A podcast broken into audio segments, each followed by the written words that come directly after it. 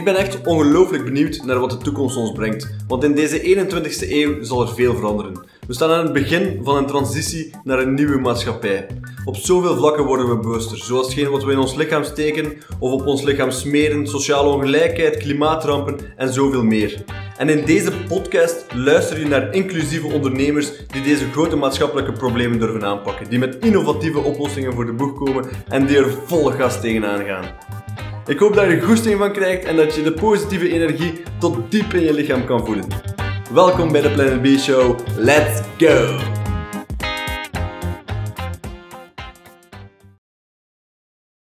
Ja, dag Ruben. Je weet al inderdaad met wat, wat ik wil starten. Uh, de elevator pitch.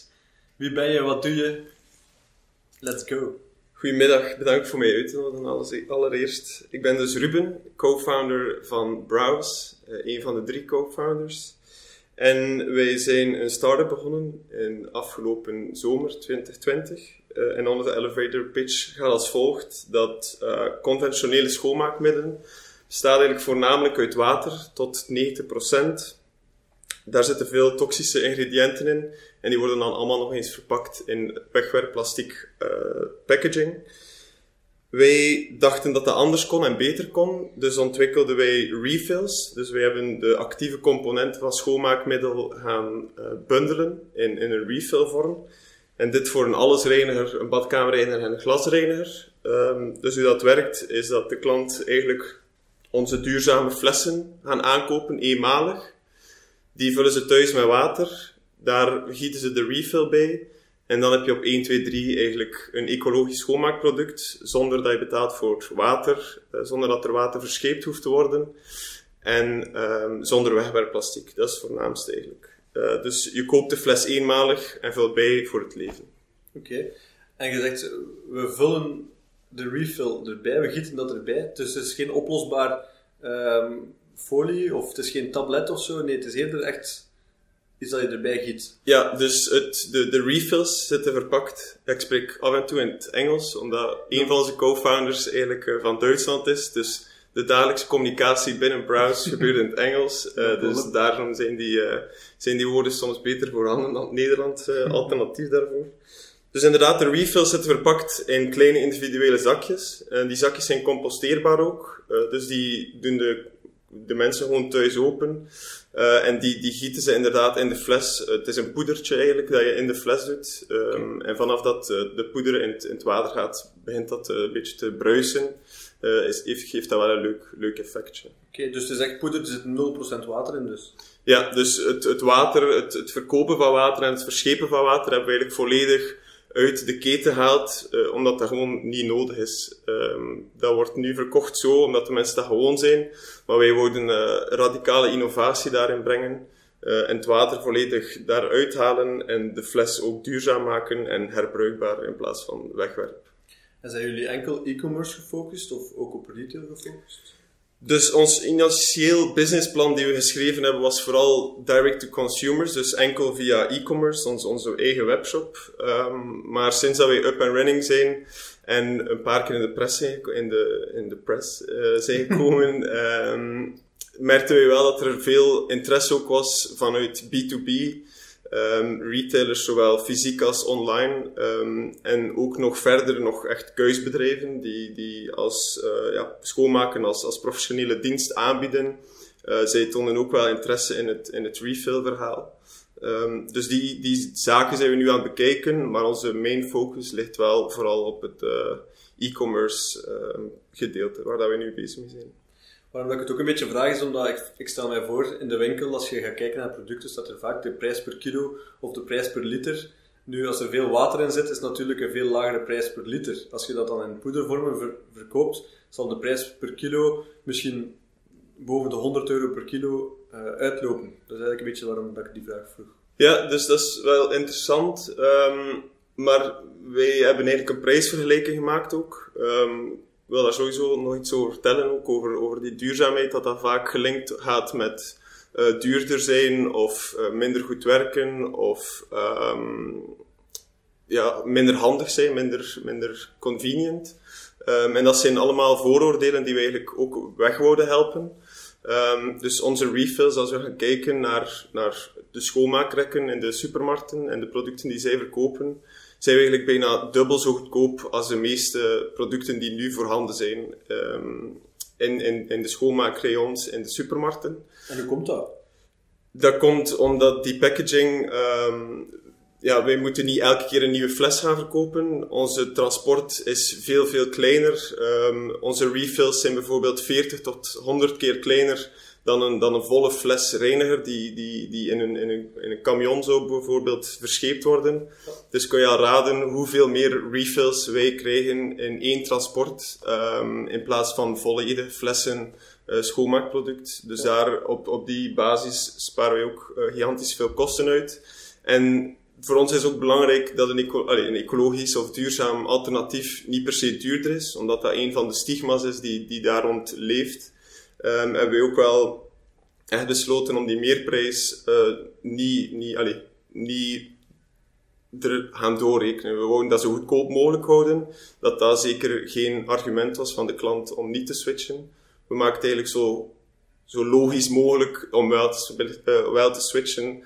Uh, qua prijs, qua packaging, qua uh, goed zijn voor, de, voor het milieu. Bij ons is dat 100% biodegradeerbaar. Um, dus al die zaken hebben we goed over nagedacht. Ook het concentraat zelf, de poeder zelf, is ook volledig? Ja, dus dat is ook een punt waar schoonmaakproducten eigenlijk vervuilend zijn voor de planeet. Um, dat de concentraties van, van, de, van de chemische middelen die daarin gebruikt worden soms zo groot zijn dat als ze door het gootje gaan, want schoonmaakmiddel gaat altijd op het einde van de dag door een gootje, maakt uh, uh, je spons dat je uitkneept in de lavabo of in het bad of whatever.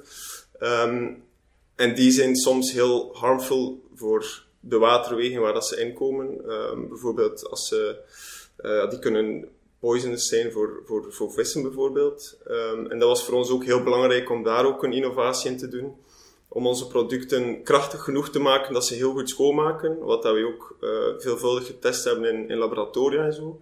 Omdat dat wel de, de, de main driver is van een schoonmaakmiddel. Dat moet effectief goed schoonmaken. Daarnaast mag het zo groen zijn of dat wil, maar als het niet schoonmaakt, ja. heb je geen klanten die terugkomen.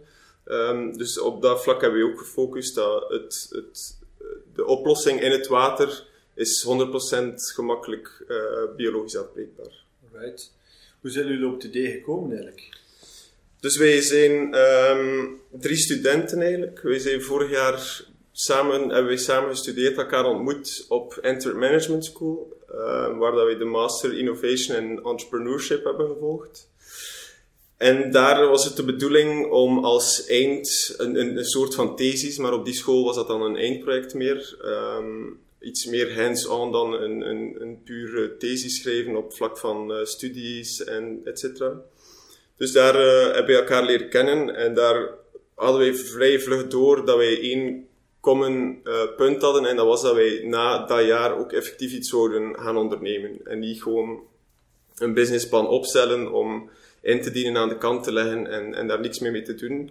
En dan een tweede punt die voor ons heel belangrijk was, uh, voordat wij nog begonnen denken over wat kunnen wij mogelijk doen, was dat er wel een impact, een goede impact aan vasthing. Um, we gingen nooit, laat ons zeggen, een, uh, een tankstation gaan overnemen en uh, zo veel mogelijk tankstations overnemen en zo ons brood verdienen. Het was, we wouden een positieve impact hebben en blij kunnen zijn over wat dat we elke dag voor zouden werken. En ook dat kunnen, er kunnen achter staan, achter de waarden en de normen die dan ons, ons bedrijfje zou hebben. En op die basis um, hebben wij beslist voor met elkaar samen te werken. En zijn we eigenlijk beginnen kijken naar, naar verschillende industrieën. Uh, waar dat er innovaties en innovaties, allee, innovaties en initiatieven waren om die duurzamer te maken of om een probleem op te lossen die er op dat moment was, die opgelost kan worden. Um, verschillende industrieën afgegaan en dan bij de schoonmaakindustrie eigenlijk per toeval een beetje uitgekomen. En daar gezien dat er eigenlijk heel weinig innovatie was in schoonmaakmiddelen. Als je kijkt naar uh, wat dat er in de laatste jaren veranderd is in de schoonmaakmiddelen, is dat, is amper iets. Dat ziet er nog hetzelfde uit. Die ingrediënten zijn nog altijd hetzelfde als tien jaar geleden. En hoe dat je het gebruikt is ook nog altijd hetzelfde. Um, en waar dat je het koopt is ook nog altijd hetzelfde. Dus dat, daar was heel weinig innovatie. En dan dachten wij, oké, misschien kunnen we hier wel iets mee. En zijn we dan uh, dieper en dieper gaan onderzoeken in die, in die, in die industrie, in die markt, wat dat daar mogelijk was. Um, en zijn we dan gaan uiteindelijk ja, bekomen tot, tot een refill systeem. Niemand van ons is eigenlijk, ja, heeft de juiste studies gedaan om effectief die, die formulatie zelf uh, te gaan, te gaan, uh, te gaan op, ontwikkelen. Dus dan zijn wij gaan kijken dat er een partner, uh, kijken voor een partner te vinden die samen met ons uh, zo'n ontwikkeling kon doen en die productie. Um, en dan zijn we ook beginnen kijken naar uh, investeerders, allemaal binnen dat ene studiejaar. Um, dus dat was best wel goed gevuld. Ja. en met de, het gezamenlijke doel van, van er iets mee te maken. En, en een succes ook wel. Jullie hebben een investeerder gevonden en jullie hebben een ontwikkeling, formulatie kunnen opstellen met een partner. Ja, klopt. Um, van in het begin was dat eigenlijk heel belangrijk voor ons um, om niet het garage-type start-up te, te gaan doen. En dat klinkt misschien noteren, maar dat is totaal niet zo bedoeld. Wij wilden wel iets maken dat direct schaalbaar was. Omdat wij wel ook het gevoel hadden van, oké, we zitten hier op iets. Uh, de eerste consumenten dat we naar hun mening hebben gevraagd, um, bleken daar heel open voor te zijn. We hebben ook een smoke test gedaan, dus we hebben effectief een, een site gaan opbouwen met renders van ons product, uh, eh, NTD, en dan advertenties gerund, mensen naar, daar, naar die site krijgen en um, door een, een, funnel, een bepaalde funnel laten gaan. En er waren effectief mensen die dat aankochten die wij niet kenden aan een bepaald prijspunt, die, die blijkbaar uh, overtuigd waren van de USP's en van het idee. Okay. Dus dan dachten we van oké. Okay, dus je hebt eigenlijk alsof verkocht, een beetje fake verkocht. Ja, omdat dat heel belangrijk was voor ons om naar investeerders te gaan, omdat we net iets heel scalable wouden maken en daarvoor is geld nodig. En naar een investeerder gaan met een idee op dat moment, zonder dat wij de kennis hadden om dat idee om te zetten in effectief een product, dat leek ons nogal een verhaal dat op los zand stond. Um, dus dan hebben we gedacht van oké, hoe kunnen we dat verhaal wat kracht bijzetten? En dat was dan de, de, de, het het hoe van kracht bijzetten van het verhaal, om eigenlijk een, een smoke test te gaan doen, uh, klanten te laten gaan geloven dat ze een bepaald product aan het kopen zijn, om, om zo te testen. Uh, ja, je, je, test heel veel verschillende dingen op dat moment. Je test of dat die advertenties werken online, wat dat heel belangrijk is voor e-commerce, of dat je mensen kan overtuigen om Facebook, Instagram en dergelijke te verlaten om, om naar die site te gaan. En dan één keer op die site ga je dan ook gaan onderzoeken van oké, zijn die USP's die we, die we gebruiken, onze unique selling propositions, uh, goed genoeg voor de klant te overtuigen? Hebben ze überhaupt wel interesse in zo'n refillable schoonmaakproduct? Zouden ze zelfs schoonmaakproduct online aankopen? Uh, dus al die dingen hebben we getest en die, die metrics dat we op voorhand zeiden van die moeten uh, goed zijn en dat zijn onze assumpties daarover, um, werden eigenlijk assumptie per assumptie zelf overtroffen. En vanaf dat we die uh, data hadden, hadden we wel het gevoel, oké, okay, nu kunnen we naar een investeerder gaan en effectief die investeerders warm gaan maken van, um, wij kunnen het zelf niet maken nu, maar je ziet wel het gigantische potentieel dat erin zit in verkoop. Dus als we funding gaan krijgen, dan hebben we de partners waar al die we, mee willen samenwerken. Uh, dus kan dat een groot succes worden. En op, ja, op dat vlak hebben we een beetje zo de twee in parallele banen een beetje gespeeld. Uh, zowel ontwikkeling, testen als uh, naar investeerders gaan is eigenlijk allemaal een beetje gelijklopend verlopen. Uh, met een heel mooie uitkomst. Want eigenlijk alles verwezenlijkt wat we wouden doen vanaf het begin van het jaar.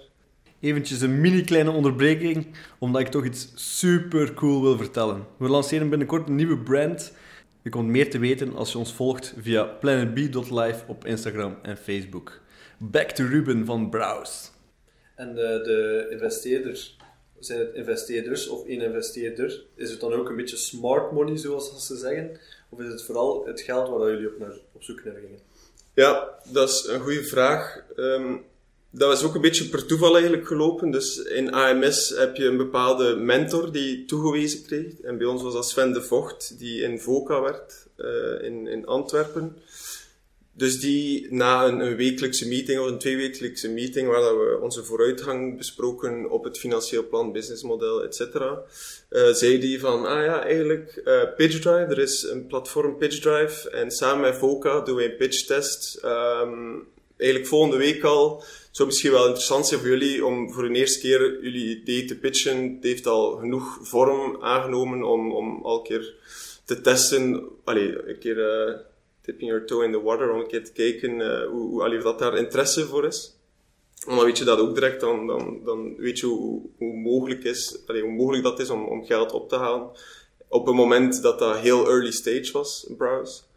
Uh, we hebben ons daarvoor ingeschreven, uh, aan deelgenomen. En dat was net, net, net voor, uh, voor eigenlijk het corona gebeuren.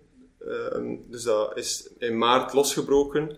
Normaal gingen wij tijdens de periode naar Milaan gaan met die school, uh, maar dat is dan afgezet. Dus waardoor dat wij wel naar die pitch contest konden. Dus dat is zo een leuke samenloop van omstandigheden als je er nu op terugkijkt. Uh, alles wat dat daarna komt is, is minder leuk en aangenaam natuurlijk. Um, en daar hebben we voor de eerste keer ons idee gepitcht aan, aan, ja, aan mensen die ons niet kennen, aan een nieuwe mentor of niet binnen AMS. En daar hebben wij een, een ticket gewonnen, een fast track ticket voor PitchDrive. En PitchDrive is eigenlijk een beetje een, een, een two-sided platform. Dus aan de ene kant hebben zij investeerders die zij na, allee, bekijken. Die, die investeerders moeten al bepaalde investeringen gedaan hebben. En echt wel um, in de game zijn om, om effectief te gaan, te investeren. En aan de andere kant heb je dan startups of um, scale-ups die geld gaan zoeken en um, die doorlopen een bepaalde traject van zeven stappen of zo, denk ik dat was. Maar omdat wij zo'n fast track ticket gewonnen hadden tijdens die pitch contest, mochten wij een paar stappen overslaan. En zaten wij al vrij vlug met een investeerder aan tafel. En na dat gesprek, op basis van dat gesprek, um, baseerde PitchDrive zich of dat je op het platform komt of niet. En één keer dat je op het platform komt, kunnen de investeerders um, aan de andere kant die interesse hebben, een bepaalde ticket gaan kopen van het bedrag dat je wil ophalen. Dus eerst uh, zijn er wat gesprekken samen met PitchDrive van, wat zijn oké, jullie zijn mature genoeg om op platform te komen, of we zien het, allee, we zien echt wel potentieel. Dan wordt een beetje financial modeling gedaan van wat is er precies nodig van budget of kapitaal. En tegen welke voorwaarden staan er daar tegenover. Uh, en een keer dat die contracten afgesloten zijn, kom je op PitchDrive uh, platform en dan teken ze in. En bij ons zijn dat, is er één fonds die geïnvesteerd heeft voor 70%. En de andere 30% is eigenlijk uh, individuen die uh, daarop ingetekend hebben. Okay. En als dat dan zo pre-revenue is, moet je dan heel veel van jullie aandelen afstaan eigenlijk? Of vult dat goed mee?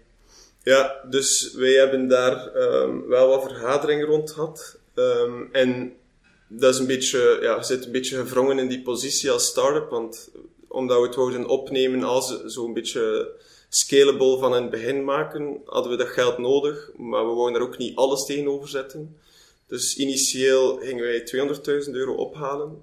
Um, maar dan hebben wij ook wel gezegd van oké, we hebben nu eigenlijk ons financieel plan nog een keer goed bekeken. En um, op dit moment hebben we niet, gewoon niet zoveel geld nodig. Omdat uh, als first-time founders is dat heel leuk als iemand zegt tegen je van oké, we geloven erin en we gaan 200.000 euro kapitaal op, op, ophalen. Um, als first-time founder is dat oké, pak alles wat je kan. Um, maar dan na die, die euforie begin je wel na te denken. Begin je wat financial modeling doen en kijken, oké, wat hebben we eigenlijk in de short term nodig? Hebben we kapitaal nodig voor die investeringen te gaan betalen? Dus geld die niet per se uh, direct terug geld in het laadje. Wat is ons uh, working capital die we nodig hebben? Welke cash burns en zo um, gaan we hebben in de eerste maanden, jaren? En op die basis hebben we dan gezegd, oké, we willen 100.000 euro ophalen. Um, en dat is een converteerbare lening. Um, dus dat moet nog bekeken worden of dat, dat effectief wordt omgezet. Al hebben wij daar uh, alle vertrouwen in. Uh, omdat het gewoon goed gaat nu. Um, ja, oké. Okay. Dus die, die mensen hebben eigenlijk 100.000 euro geïnvesteerd, maar die hebben daar nog geen aandelen tegenover gekregen. Nee, dus dan na binnen twee jaar uh, mogen zij die aandelen oftewel vragen om terug te betalen, oftewel worden die dan automatisch omgezet in aandelen. En dan kunnen wij tot 20% uh, aandelen, um, kunnen zij tot 20% aandelen van Browse gaan aankopen voor dat initiële bedrag.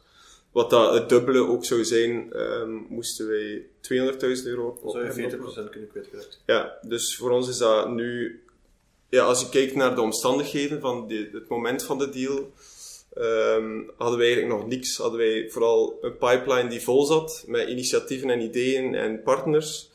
Ehm, maar we hadden dat geld nodig om die effectief eh, te gaan doordrukken. We hebben ook een financiële mix, eh, eigenlijk een gezonde financiële mix daarnaast ook opgezet. Uh, dus zijn we ook wel 75.000 euro bijvoorbeeld gaan ophalen met een win-win lening binnen ons netwerk. En wij hebben ook, toen we afstudeerden aan AMS, worden wij nog altijd eigenlijk in zo'n beetje een ecosysteem zitten van ondernemers. Dus zijn wij vrij vlug tot de conclusie gekomen dat we niet gewoon uh, van thuis uit willen werken. Um, met ons drieën, zonder dat er daar iemand een beetje meekijkt over de schouder. Of dat we een heel approachable persoon hebben om, om strategische kwesties aan te gaan vragen. Of operationele kwesties. Of, of hands-on hulp bij um, whatever dat we moeten doen. Omdat we allemaal first-time founders zijn. En hebben wij um, onze kans gewaagd om in Birdhouse Accelerator te gaan. Als heel early stage startup is ons dat ook gelukt. Dus op dat moment dat wij echt alle wind in onze zeilen uh, en het een achter het ander lukte. Um, wat dat daarna, het jaar daarna ook een beetje ontkracht is dat alles zou lukken als start-up. Uh, er mislukken ook heel veel dingen. Maar op dat moment kwamen wij dus opnieuw in een ecosysteem uh, waar dat wij begeleid werden door mentoren, um, die, waar dat wij vragen aan konden stellen. En samen met Birdhouse Um, zit Belfius daar ook achter, achter dat programma. Dus dan hebben we ook 50.000 euro in een bullet loan gekregen. Wat dat heel mooie, heel mooie, um, heel mooi achterliggende um, percentages van rentevoeten en zo en dergelijke hebben.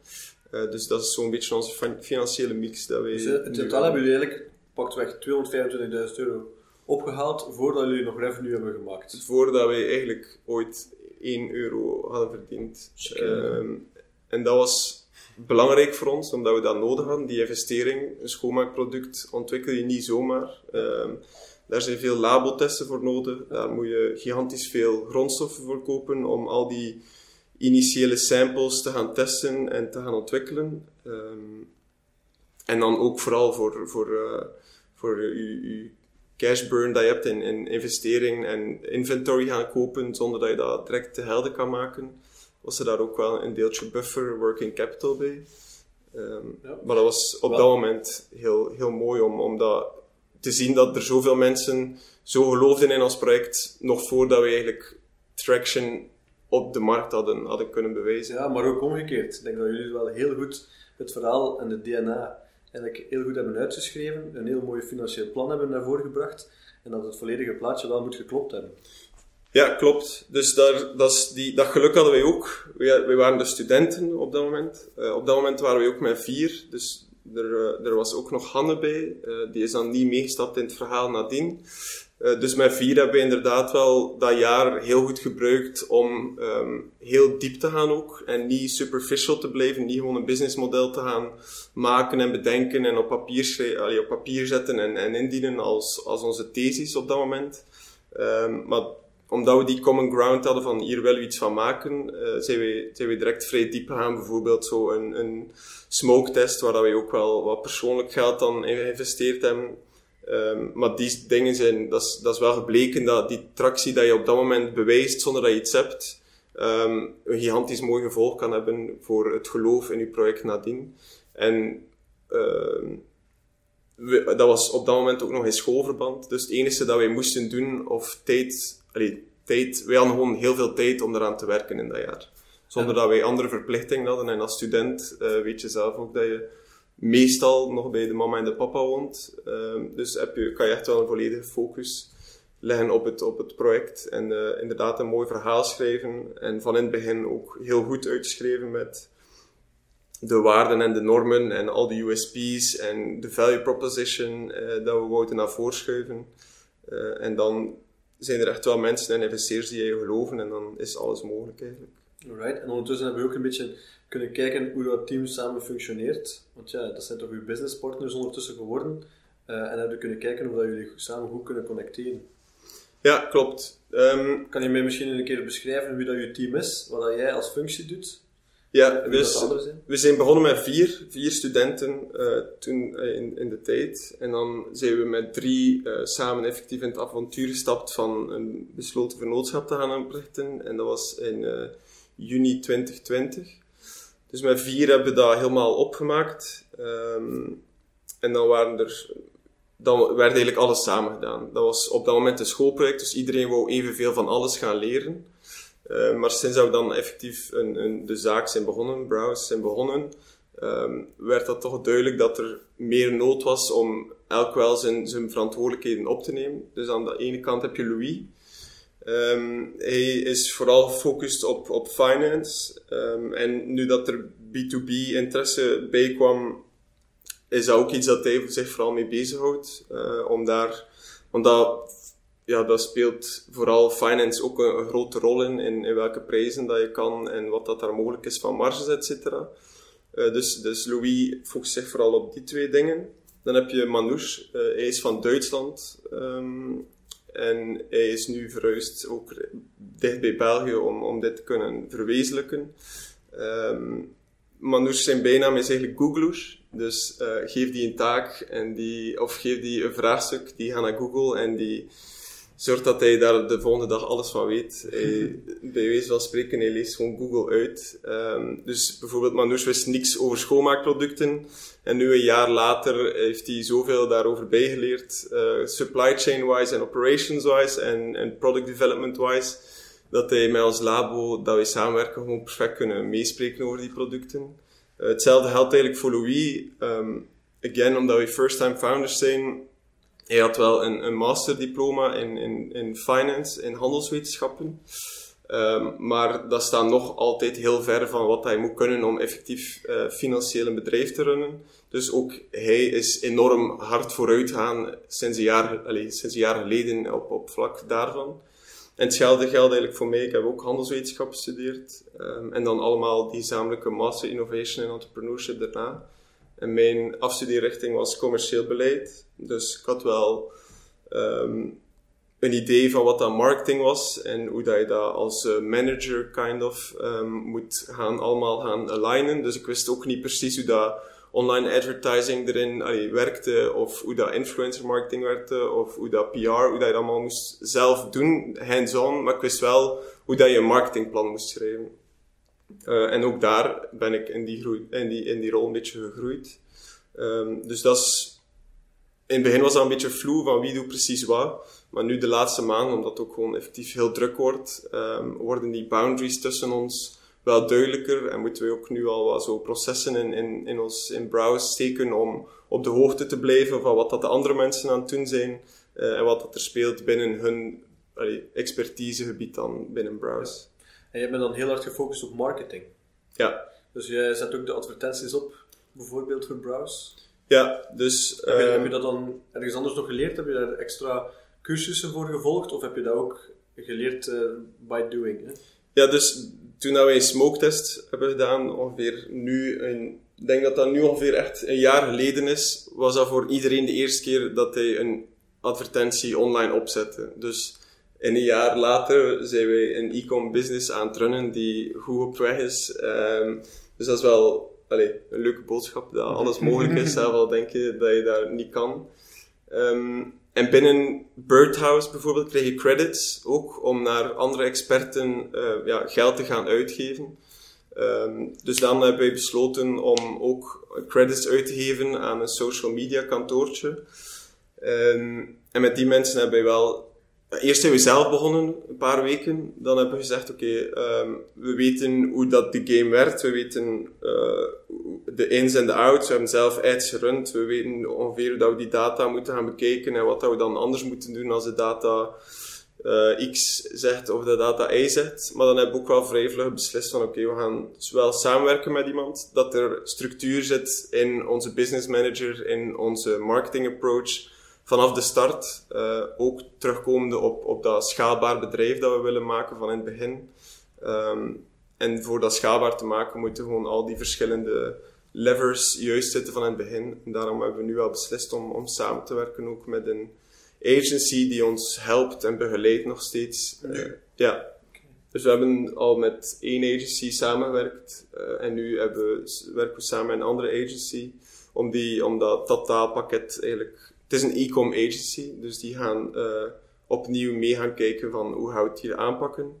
Uh, want Birdhouse is afgelopen uh, en nu willen we eigenlijk opnieuw inzetten op, op een strategische partner om alles naar, op, naar het volgende niveau te, te brengen. En hoe heb je die agency gevonden? Gewoon door veel mensen eigenlijk aan te spreken en videocalls te doen?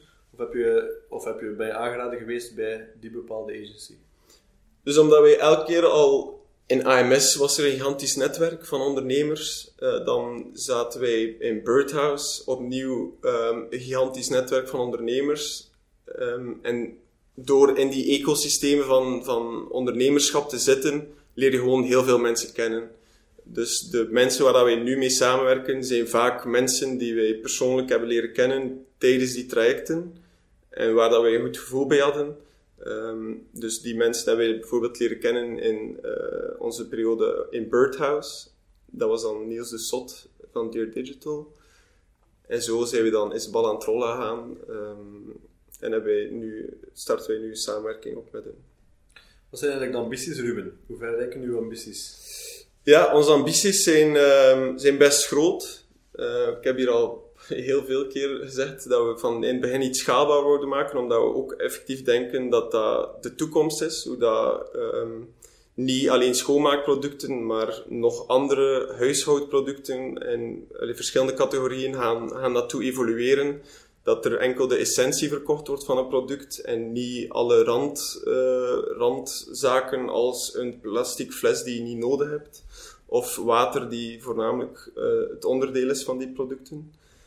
Dus wij, wij mikken echt wel hoog met Browse, als in um, dat alleen de start is. Nu die, die dus surface cleaners dat we nu hebben, badkamer, alles reiniger en, en glas.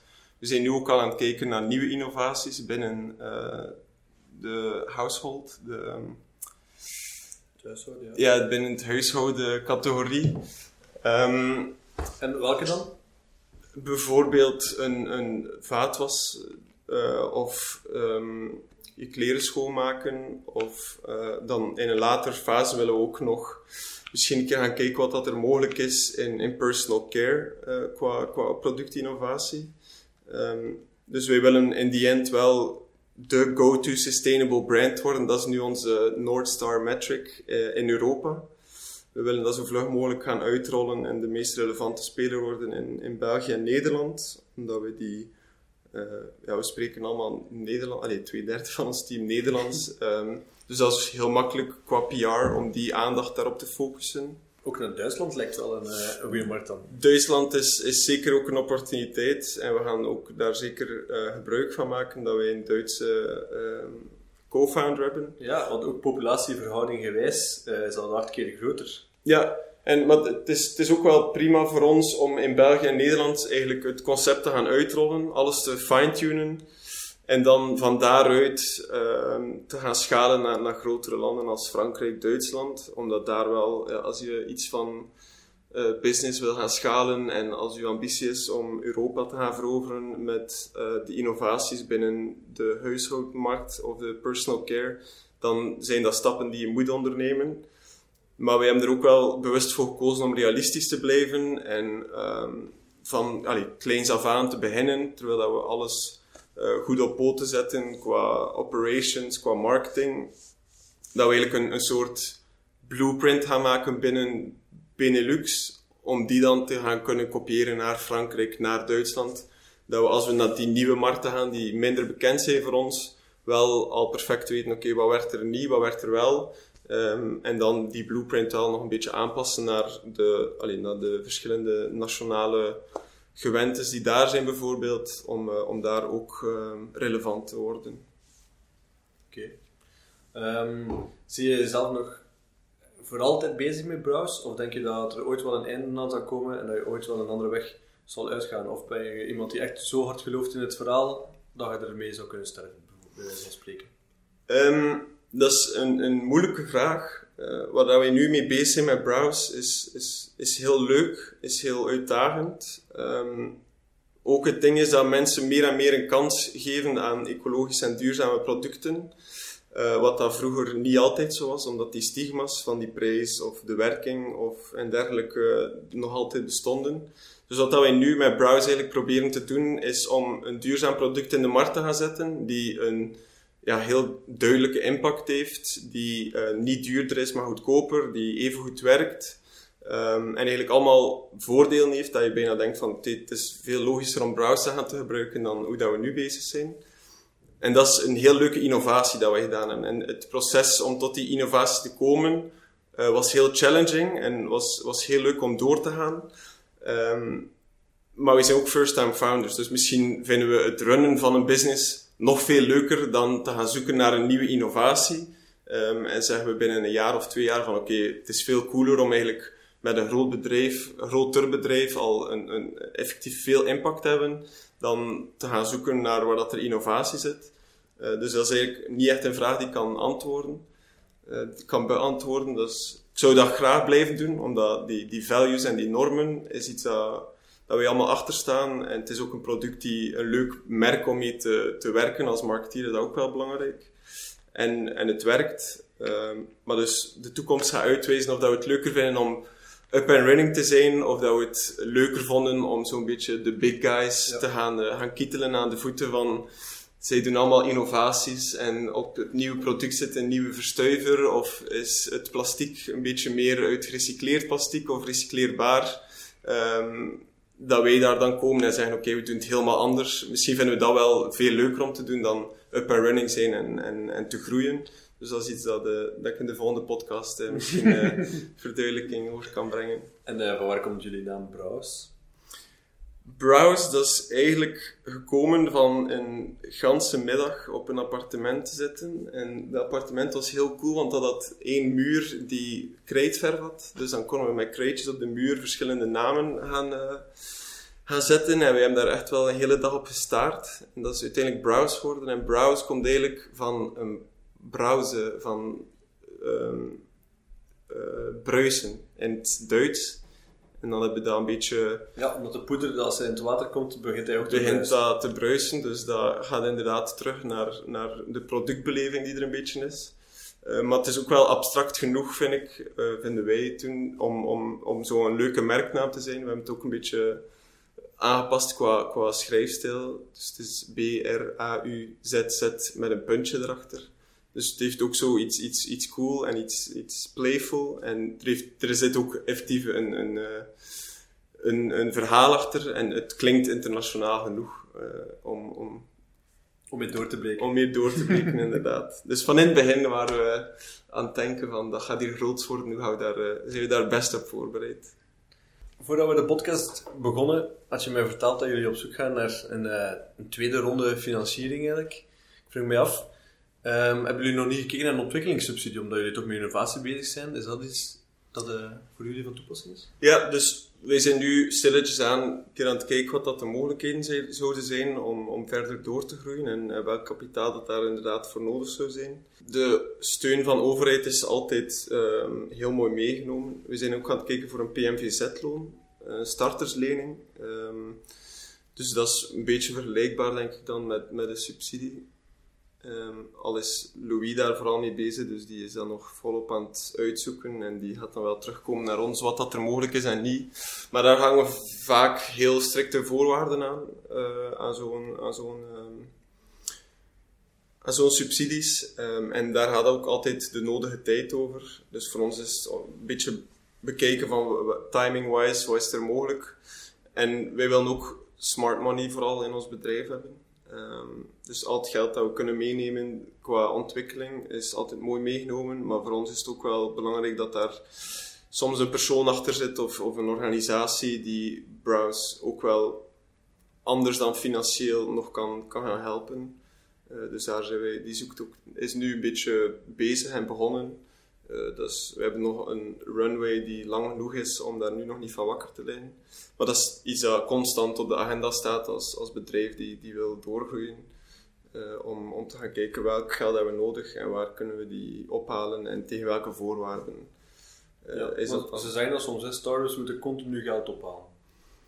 Allee, de heel ambitieuze startups uiteraard. De heel ambitieuze startups moeten constant geld ophalen. Dat, dat hangt ook heel hard af van je businessmodel. Dat je als er, is er cash burn of hoeveel geld heb je nodig in ontwikkeling of Ehm, moet er veel product development nog gedaan worden tijdens dat het product al live is bij, dat is dan meer bij SaaS-projecten, die, die, die live zijn bij klanten en dat er dan nog volop aan, aan, aan ja, gesleuteld moet worden om, om ideaal te zijn.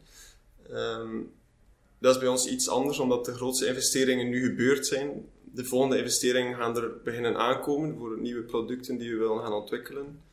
Ehm, maar ja, ik kan daar nu nog niet echt een uitgebreid antwoord over geven, omdat we dan nog volop aan, aan het bekijken zijn eigenlijk allemaal. En de producten zelf, is dat op een of andere manier beschermbaar? Kunnen jullie daar een patent op aanvragen? Uh, dat hebben we bekeken, maar voorlopig is dat, hebben we daar nog niks over gedaan. Dus onze, onze naam en zo, ons logo is allemaal wel beschermd, uh, maar ons product zelf um, hebben we nog niet, nog geen, uh, ja, ja, op een, op een officiële manier beschermd, omdat dat een beetje een, een ja, bedrijfsgeheim is, laat ons zo noemen, hoe dat, die, allee, dat, dat dan precies allemaal in elkaar zit. En ook financieel uh, maakt dat op dit moment nog niet zoveel uh, sens om, om dat te gaan proberen te beschermen. Ja. En het is ook niet dat de investeerders daardoor, daardoor uh, over struikelen. Dat is geen probleem. Nee, dat is nooit echt een struikelblok geweest. Dat was, um, dat was ook heel early stage. Dus op dat moment was dat, kwam dat ook nog niet zo heel veel ter sprake. Um, en we hebben ook wel altijd gezegd dat dat tot de mogelijkheden behoort. Maar op dit moment achten we dat niet, niet nodig. Komt dat nog altijd ter sprake? Of is dat, uh, nu is dat... Nee, nu is vooral die, die groei belangrijk. En die, die targets halen die we op, allee, voor, voorop hebben gesteld. Dus nu is het vooral uh, die zaken die besproken worden met onze investeerders. Ja, dus jullie hebben echt wel duidelijke targets opgesteld van dat willen we halen en dan op die, in die periode. Ja. ja, ons financieel plan hebben we eigenlijk ja, opgesteld. En een financieel plan van een start-up is eigenlijk uh, constant een work in progress, waar dat alle assumpties dan afgetoetst worden, een keer dat je beter weet van oké, okay, data zegt dit of een productiekost van dit uh, moeten we veranderen. Dus daarom hebben we dat ook wel aangevat als, als eigenlijk een beetje pessimistisch, dat financieel plan gaan opstellen. Um, en dat heeft ook ons wel geholpen met stappen naar investeerders. Van kijk, dat is ons pessimistisch financieel plan eigenlijk. Um, maar als je kijkt naar die bepaalde metrics, is dat eigenlijk niet logisch dat dat zo slecht zou zijn. Um, maar we zetten liever alles op het slechtste dat beter uitkomt nadien dan ja, reken jezelf rijk van het begin en dan nooit een target te kunnen gaan behalen. Dus die targets die we nu daarin gezet hebben, zijn, zijn zeker haalbaar. En uh, de manier dat we nu ook bezig zijn, uh, leek dat alsof, allee, hebben we onze targets voorlopig al gehaald. En lijken we goed op weg om de volgende targets ook te halen. Um, en dat is ook gewoon leuker als je financieel plan uh, haalbaar is. En als je merkt dat die targets gehaald worden, is dat enkel maar beter voor uh, het humeur van de, van de founders of het team er rond. Ja, en uh, bij e-commerce, ja, de customer acquisition cost, uh, om die zo laag mogelijk te krijgen, is wel belangrijk. En heb, je daar een of andere tip in dat je kan zeggen van kijk, um, voor advertenties te sharen op, op, op social media, moet je daar toch zeker naar uitkijken? Is het vooral veel testen, hè? honderden advertenties opzetten? Of hoe bekijk je dat? Ja, dus dat hangt ook een beetje af van je businessmodel, hoe belangrijk een customer acquisition cost nodig is. Uh, want bij ons moet er een eerste aankoop gebeuren door de klant, maar is er vervolgens wel een customer lifetime value, omdat ze dan terugkomen en de recurring revenue op de refills eigenlijk zit. Um, dus voor ons is customer acquisition cost zeker iets dat wij naar kijken, maar wij focussen ons ook heel hard op wat is de retention rate van onze klant. Hoeveel mensen komen terug? En hoe meer mensen terugkomen voor refills te kopen voor een zo lang mogelijk periode, hoe hoger dat je customer acquisition cost eigenlijk mag zijn, hoe vlug dat je eigenlijk kan schalen. Dus in het begin, toen dat wij nog alles zelf deden qua social media en advertising, gingen we echt wel gaan focussen op die KPI dat we gezet hadden qua customer acquisition cost. Maar dan gaandeweg hebben we ook wel beseft van eigenlijk is dat niet the way to go, omdat wij um, eventueel wel geld kunnen verliezen op een eerste aankoop als de customer lifetime value en de retention van die klanten lang genoeg is. Ja, dan, ze zeggen altijd, de eerste klant is het duurst. Ja, klopt. Dus de focus ligt ook heel hard op, op die, die, die customer journey. Stopt bij ons niet wanneer dat ze het product gekocht hebben de eerste keer. Maar vanaf dan is het eigenlijk het startpunt om die mensen extra in de watten te leggen en zo lang mogelijk bij ons te houden. En hoe doe je dat? Heb je daar tips voor? Uh, dat doe je door heel veel verschillende touchpoints te hebben, door een beetje data over je consument te hebben. Wat, wat, wat vinden zij leuk? Um, wat werkt er qua engagement? Uh, dat is ook iets dat wij volop nu aan het, aan het beleven zijn en aan het, aan het krijgen zijn, die data. Omdat de eerste... Maar, hoe vraag je die data? Is dat dan echt een vragenlijst dat je stuurt als feedback? Of is dat... Bijvoorbeeld, ja, je krijgt ook al veel data van klanten die gewoon uw, product gekocht hebben. Uh, weet je al waar dat zij wonen, um, dan weet je het geslacht, de leeftijd. Uh, bij, keus, allee, bij schoonmaakmiddelen is de range van die, die leeftijd best wel groot. Van jong tot, tot, heel, allee, tot oud.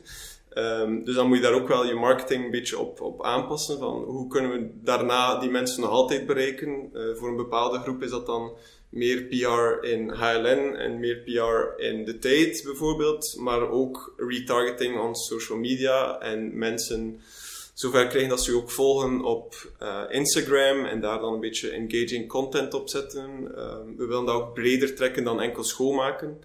Uh, we willen mensen gaan informeren over wat gaat er eigenlijk om in de wereld qua duurzaamheid. Um, qua initiatieven halen we targets die vooropgesteld zijn, bijvoorbeeld in de EU. Um, om daar ook een beetje een, een, een, rol in te spelen van we gaan een beetje informatie ook delen met de mensen, dat makkelijk verwerkbaar is, dat ze mee zijn. Maar aan de andere kant ook gewoon een keer leuke, engaging dingen doen via een Instagram story. Bijvoorbeeld op Valentijn uh, was dat dan verschillende stories, of dat uh, onze volgers liever pannenkoeken aten of aardbeidjes met uh, chocolade of liever een film keken of een gezelschapsspelletje spelen. Uh, dat, is, dat is ook marketing, om, om, om een beetje de leuke brand te zijn en niet altijd uh, alles dat je online pusht um, er is om, om je product in de kijker te zetten en te gaan verkopen. Um, uw klant mag zich niet als, als een geldezeltje voelen, maar uh, moet ook voelen dat zij ook een beetje value terugkrijgen voor, voor de kost dat zij gedaan hebben aan je product. Ja. En werken jullie ook met een subscription-based model, of is dat niet? Ja, dat is voor ons heel belangrijk, omdat we dan veel beter kunnen gaan rekenen in, in geldstromen, in, in inkomsten die we gaan genereren maand na maand. Uh, we zijn op dit moment een nieuwe site aan het bouwen en daar gaat, um, gaat een subscription model al ingebouwd zijn, dat mensen een profiel hebben, een browse profiel. Dan gaan ze kunnen zien hoeveel refills ze al gekocht hebben. Daar gaan we ook zo'n beetje gamification misschien in steken. Van het al zoveel flessen gespaard of het al zoveel kilo uh, plastic de wereld uitgeholpen door de refills te kopen. Um, en dat is wel heel belangrijk voor ons, marketing-wise sowieso, omdat je dan meer klantenbinding hebt, maar ook vooral financieel om die geldstromen beter te kunnen gaan managen en zeker te zijn um, wanneer dat iemand gaat terugkomen. Uh, want als je nu in customer gaat bereiken en vragen van om de hoeveel maand gebruik je schoonmaakmiddel, is dat nogal een vraag die heel vaag is voor veel mensen en niet, niet altijd een antwoord op kunnen weten of formuleren. Dus daarom hebben we nu even een periode die subscription-based nog niet geïmplementeerd. Om de mensen ook wat ruimte te geven van het product te leren kennen en dan een beetje mond-tot-mond reclame. En vanaf dat de mensen weten van oké, dit werkt, browse is gekend omdat het werkt. Het is niet eco en het werkt niet slecht, maar het is eco en het werkt goed. Um, dat de mensen vlugger geneigd zijn om van in het begin al te zeggen van oké, ik ga hier een subscription opnemen. Waar dat er nu vooral veel mensen voor de eerste keer dat product kopen en, en het gaan testen en om te kijken of dat effectief presteert, hoe dat zij willen dat schoonmaakproduct presteren. Vragen jullie ook veel reviews van de klanten? Ja, dus die reviews, uh, bijvoorbeeld hebben van elke klant een e-mailadres. Uh, dat is ook iets dat wij doen een weekje nadat zij het product voor de eerste keer ontvangen hebben, sturen wij een, review, sturen een mailtje, heel persoonlijk, van ik ben de co-founder van Browse en we willen nog altijd ons product uh, is, is nog maar pas nieuw, we willen graag weten wat hij ervan denkt. Um, hoe is die doos toegekomen bij jullie? Want bijvoorbeeld, we hebben een heel mooie doos gemaakt om een beetje experience te krijgen in schoonmaakproducten. Dus dat zit allemaal verpakt in, in een heel mooie doos. Hmm. Um, als je die wil zien, de beste luisteraars, misschien een keer uh, aankopen of zo. nee, Browse. Uh, browse.com. nee, dus, dus die experience willen we wel gaan kijken. Dat was ook een assumptie voor ons. Willen de mensen dat of willen ze gewoon die flessen ontvangen? Dus willen we nu ook wel gaan, gaan nakijken van vinden ze dat leuk? Moeten we daar verder op een focus op leggen, op die, op die experience van dat ontvangen? Ehm, heb je de producten al gebruikt en wat vond je ervan? En moesten we in de toekomst nieuwe producten gaan ontwikkelen, welke producten zou je het liefst, ehm, het liefst in een meer duurzame of ecologische vorm gaan, gaan, gaan kopen? En dan ook een zo'n net promotor score vraag van hoe en in welke mate zou jij browse gaan um, aan, aanprijzen bij je vrienden, collega's of familie.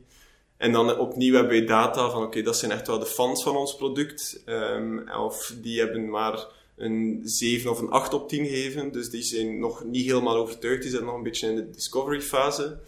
Uh, en zo kan je ook wel al je audience een beetje onderverdelen in, in, in mensen die nog altijd die het nog niet geprobeerd hebben. Of die uh, het geprobeerd hebben, maar nog niet helemaal overtuigd zijn. En dan de, de grootste groep mensen, moet ik nu wel eerlijk toegeven, dat was 9 of 10. Dus die zijn, die zijn echt wel um, verkocht aan het product. Die, die hebben het getest, die vinden dat goed. En die zouden ook eventueel daar reclame voor maken. Uh, dus die mensen kunnen we dan bijvoorbeeld bereiken met een referral program. Dat wij kunnen zeggen van, uh, als je nu een vriend van jou of een collega of een familielid via die link een product aankoopt, uh, krijg jij 15% korting op de volgende keer dat je refills aankoopt en krijgt die vriend, collega of familie 15% korting op de aankoop van een starterspakket. Ik zeg nu maar iets. Dat, is, ja. dat, is, dat zijn dingen die we allemaal nog moeten testen. Right, super cool. Ik vind dat je een vrij wijs product hebt. Uh, ik dank u enorm uh, voor hier uw, uw, uw babbel te komen doen. Ik vond het zeer interessant. Ik blijf Browse 100% volgen. En uh, veel succes nog. Oké, bedankt. Bedankt voor mij, mijn eerste podcastervaring te laten beleven. Dat was het alweer. Bedankt om te luisteren tot op het einde. Het was weer een zeer interessante aflevering van de Planet B Show. Maar ik ben voornamelijk benieuwd wat jullie ervan vinden. Heb je bemerkingen, heb je vragen, heb je tips of ideeën? Richt ze gerust tot ons. Je vindt ons op social media, at Planet B Show, op Instagram en Facebook, of via mijn LinkedIn-account, Tibbe Verschaffel. Ik ben zeer benieuwd naar jullie feedback en ik zou het meer dan de max vinden mocht je ons een berichtje sturen. Tot later, geniet van jullie avond of dag en let's go!